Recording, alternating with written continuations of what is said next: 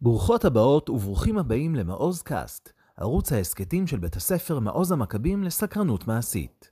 סקרניות? סקרנים? אנחנו מתחילים.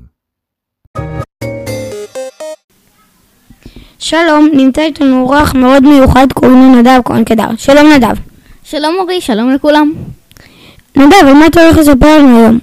היום אני אספר לכם על משהו שאני מאוד אוהב, מוזיקה. מוזיקה? מה זה בעצם מוזיקה? אה, אני חושב שאני יודע. מוזיקה זה בעצם שכלב נובח, שדלת נטרקת, כשטיפות גשם נופלות על הרצפה.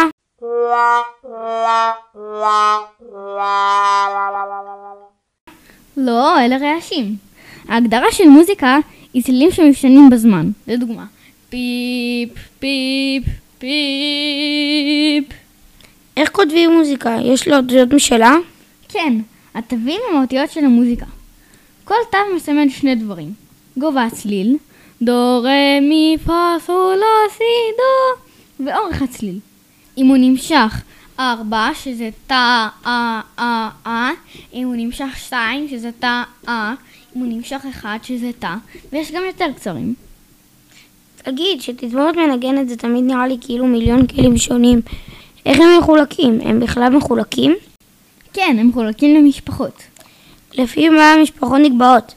המשפחות נקבעות לפי האופן שמנגנים על הכלים. יש שלוש משפחות של כלים. כלי מיתר וכלי קשת. אלה כלים שמפיקים בהם את הצליל על ידי פריטה על מיתרים. פורטים או באצבעות, או עם מפרט, או בעזרת קשת.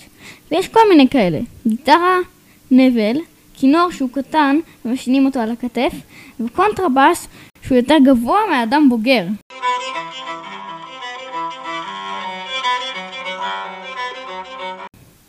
כלי נשיפה אלה כלים שנושפים בהם כדי להפיק את הצליל.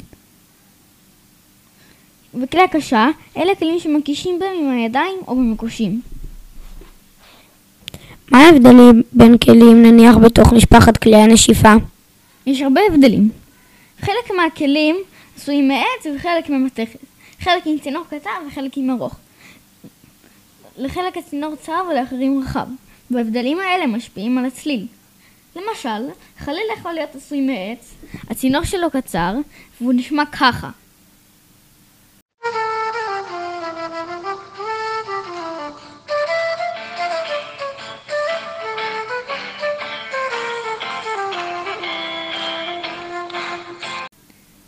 וטובה למשל היא ענקית, היא יכולה לשקול, לשקול גם 15 קילו, שזה ממש כבד, עשויה ממתכת עם צינור עבה במיוחד ונשמעת ככה.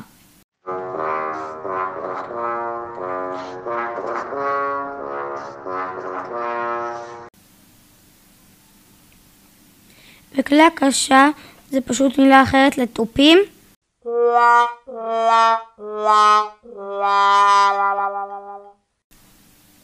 זה גם תופים, אבל לא רק. יש הרבה כלי הקשה. כמו קסילופון למשל או מצילתיים. מה הכלי שאתה הכי אוהב?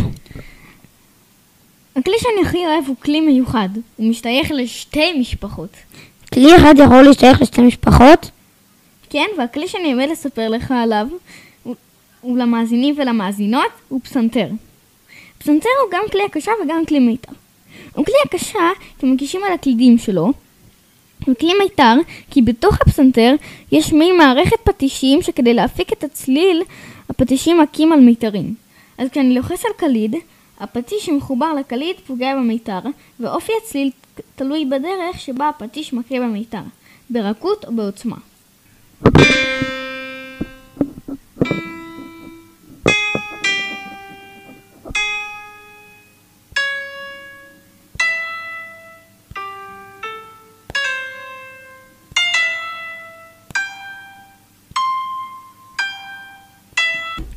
אלה היו צלילים רכים וחזקים של פסנתר.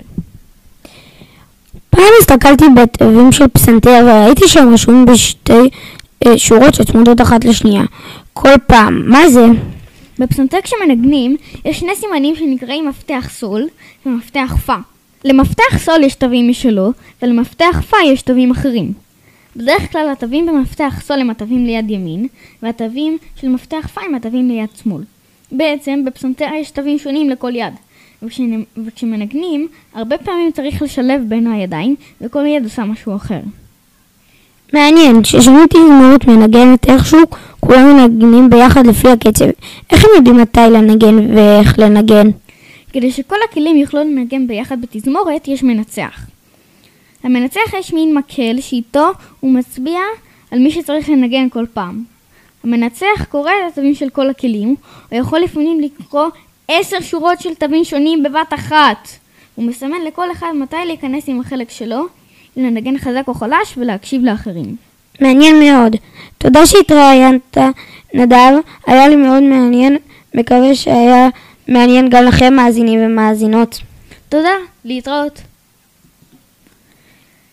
כאן נדב כהן קדר, ואורי מילס. נתראה בשידורים הבאים של מעוז קאס.